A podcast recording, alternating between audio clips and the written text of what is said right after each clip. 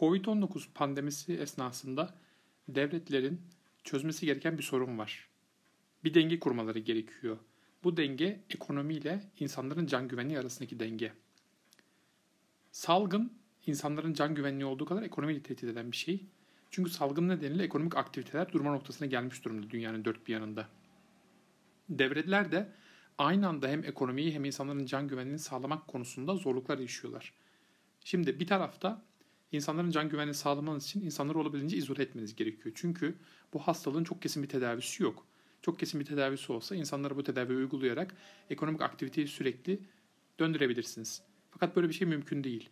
Bu yüzden insanları izole etmeniz gerekiyor ki insanların can güvenliği sağlansın. İnsanları izole ettiğinizde de bizim geleneksel ekonomik yapılarımız e, bu şekilde bir işlemeye müsait değil. Bizim geleneksel ekonomik yapılarımızda insanların dışarıda olması gerekiyor. Yüz yüze olması gerekiyor çoğunlukla. Esnafları düşünün, bakkalları düşünün, hatta süpermarketleri düşünün. Bu dönem tabii ki uzaktan çalışma yöntemleri keşfedildi, tekrar keşfedildi belki de ya da uygulamaya geçildi. Fakat her sektör böyle işlemiyor. Birçok sektör var yüz yüze olması gereken, insanlarla direkt irtibat kurması gereken. Öbür taraftan devletler şunu da yapabilir. Ekonomi daha önemlidir insanların can güvenliğinden. Biz tamamen ekonomiyi döndürelim. Hazır pandemi yüzünden birçok e, ülkede ekonomik sıkıntılar yaşanırken mesela e, arz talep zincirleri kırılmışken bu boşluğu biz dolduralım diye ekonomiye ağırlık verip insanları izole etmeme e, seçeneğini de tabii ki devreye sokabilirler. Bu durumda çok daha fazla insan e, hastalanır ve hayatını kaybeder potansiyel olarak. Devletler genelde bunların arasında denge kurmaya çalışıyordur şu dönem gördüğümüz kadarıyla. İkisinden bir tanesine tamamen ağırlık veremezler. Çünkü verirlerse diğerini aksatmış olurlar. Genelde insanlar biraz daha insanların can güvenliğine yakın bir noktada e, kendi pozisyonlarını konumlama eğilimindeler. E, Türkiye olarak baktığımız zaman biz zaten e, bu hastalığa, bu pandemiye çok kötü bir zamanda yakalandık. Ekonomik göstergelerin olumsuz gittiği bir zamanda yakalandık. CDS primlerimizin yüksek olduğu. CDS primi dediğim bu arada bilmeyenler için kısa açıklayayım. Bir ülkeye yatırım yapacakken bir yatırımcı parasını sigorta atmak isterse bir prim öder. Bir, bir ücret öder. Yani e, CDS primi şunu söyler. CDS primi değeri vardır her ülkenin. Ne kadar yüksekse o ülke yatırım yapmak için o kadar riskli bir ülkedir ve o ülkede paranızı kaybetmenizin riski fazladır ve o yüzden paranızı sigortalatmak için daha fazla bir faiz ödersiniz gibi. Yani kırılgan ekonomi, CDS priminiz ne kadar yüksekse o kadar kırılgan bir ekonominiz vardır. O kadar riskli bir ülkesinizdir. Türkiye şu anda e, Mayıs ayı itibariyle, Mayıs ortası 2020 itibariyle dünyanın en yüksek 3. CDS primine sahip bir ülke. Zaten 2013'ten beri Türkiye hep ilk ondaydı. Ee, yani dediğim gibi Türkiye'de ekonomik göstergeler zaten e, çok çok e, muazzam, çok olumlu değildi. E, Türkiye bu noktada yakalandı ve Türkiye diğer başka ülkelerin yaptığı gibi hemen karantina, toplu bir karantina uygulamasına geçmedi. Ekonomik göstergeler daha da kötüye gitmesin diye. Bu dönemde tabii ki kısa çalışma ödeneğinin ödenmesi gerekiyor. İşsizliğin işsizlik yükseliyor. Türkiye'de bunlara bir çözüm bulunması gerekiyor. Çünkü insanlar tabii ki çalışmak zorunda. Türkiye küçük küçük kısa kısa dönemlerde sokağa çıkma yasağı uygulayarak e, biraz daha bu hastalıkla mücadele etmeye çalışıyor. Sağlık Bakanlığı'nın e, öncülüğünde kurulan bilim kurulu. E, fakat ara ara e, ekonomik e, aktiviteyi geliştirmek için bazı şeyler de yapıyorlar. Örneğin e, Merkez Bankası e, çok bunu açık açık söylemese de Merkez Bankası'nın yani halka açık bilgilerinden baktığımız zaman para emisyonunun arttırıldığını görüyoruz. Para emisyonunu arttırmış. Yani bu ne demek? Merkez Bankası para basmış son dönemde, son bir yıl içerisinde. E, normal şartlar altında ee, bu dönemde çalışamayan insanlara kısa çalışma ödeneğinin işsizlik fonundan ödenmesi gerekiyor. Fakat Türkiye daha önce e, Merkez Bankası önderliğinde tabii ki e, doların yükselmesini engellemek için biliyorsunuz e, kendisi Merkez Bankası başlarda müdahale ediyordu 2018 yılında. E, sonrasında başka bir taktik uygulamaya başladı. Kamu bankalarına dolar sattırarak e, doları düşük bir seviyede tutmaya çalışıyor. Bu yüzden kamu bankaları böyle bir görev almış durumda. Yani swap piyasalarına gidip işte Londra'ya falan gidip belki de oyuncu olarak Türk lirasını döviz ataklarına karşı korumaya çalışıyorlar. Böyle söyleyeyim yani e, genel e, söylenen şey bu.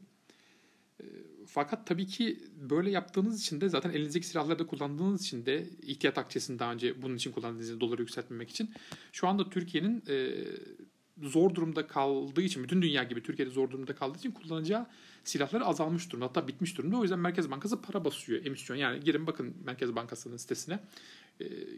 E, iki sene öncesine göre sanıyorum %60 daha fazla e, piyasada para var. E, şimdi diyeceksiniz ki para basmak enflasyon oluşturmaz mı? Normal şartlar altında enflasyon oluşturur. Evet para basmak tehlikeli bir şeydir. 90'larda bunu çok gördük Erbakan döneminde, Şiller döneminde. Para basıldı. İşte maaşlara zam yapıldı. %100 zamlar yapıldı. %150 zamlar yapıldı. Bunları gördük. Ve deli gibi enflasyon oldu Türkiye'de. Ama şu anda bütün dünyada arz ve talep şoku var.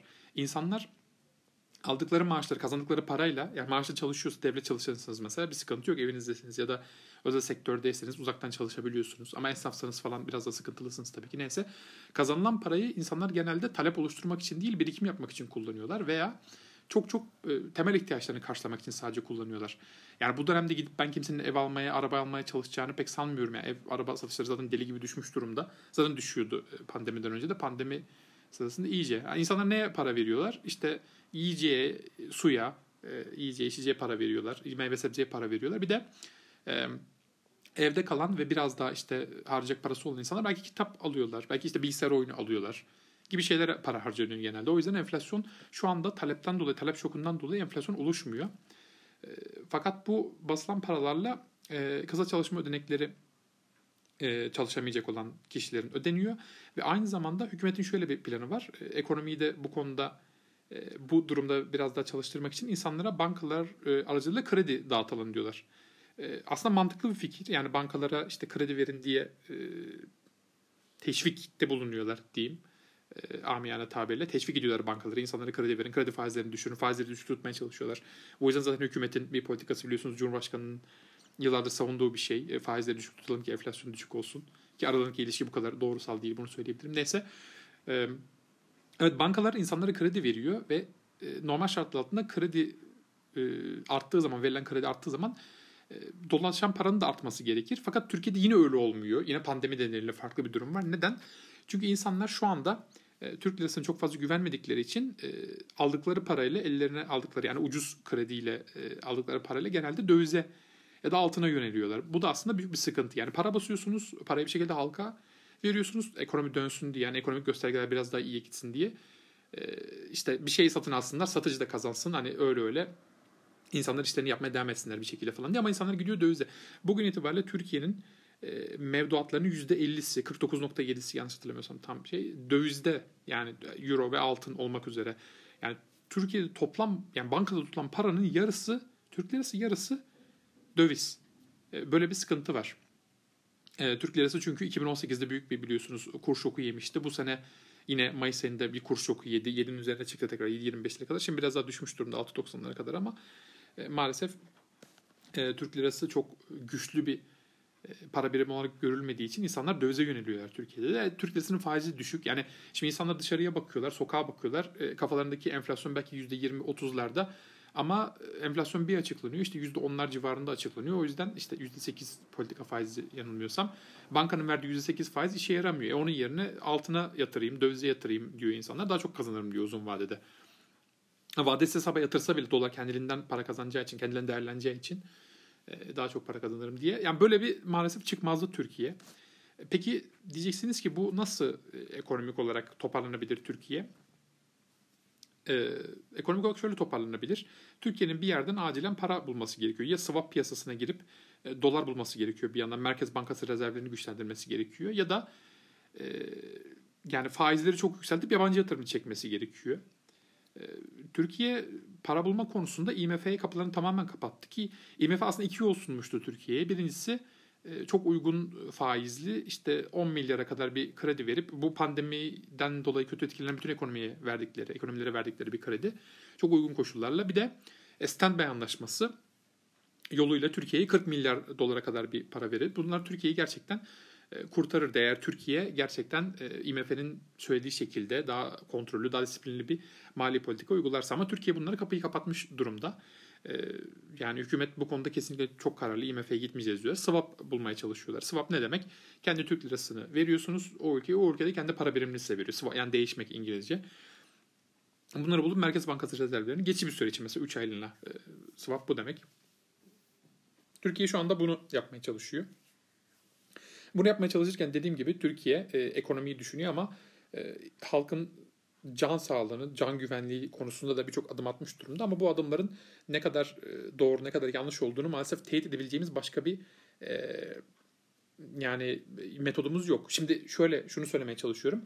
E, Türkiye ne yapıyor? İşte restoranlar kapatıldı, barlar kapatıldı, işte hastaneler pandemi hastanelerine dönüştürüldü. Çok güzel. İşte 65 yaş üstüne 20 yaş altına sokağa çıkma yasakları e, uygulandı. İşte hafta sonları bayramlarla e, milli ve dini bayramlarla birleştirilip sokağa çıkma yasakları falan ama şimdi hasta sayısı ve işte ölüm sayısı ortada. Ama Türkiye mesela Mart'ta bu iş başladığında atıyorum bir aylık bir komple sokağa çıkma yasağı uygulasaydı uygulayabilecek tabii ki gücü olsaydı e, ve bunu yapsaydı ne kadar olacaktı vaka bunu bilmiyoruz yani. Bu öyle olsaydı böyle olurdu falan demenin pek bir anlamı yok ama Türkiye şu anda e, dünyada kötü olmayan ülkelerden bir tanesi olarak görülüyor. E, kesinlikle bunu söyleyebiliriz.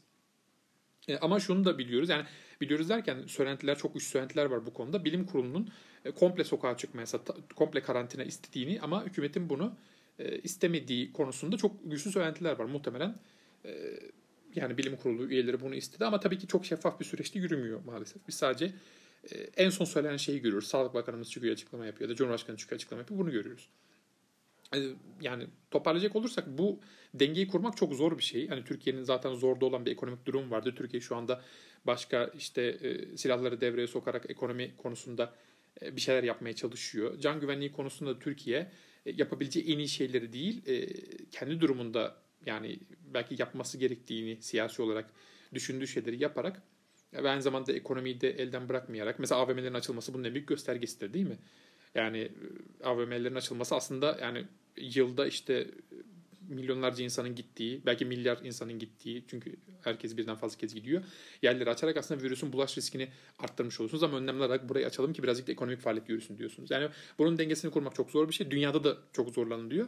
Türkiye'de bu şekilde özetlemeye çalıştığım şekilde e, bir mücadele yürütüyor.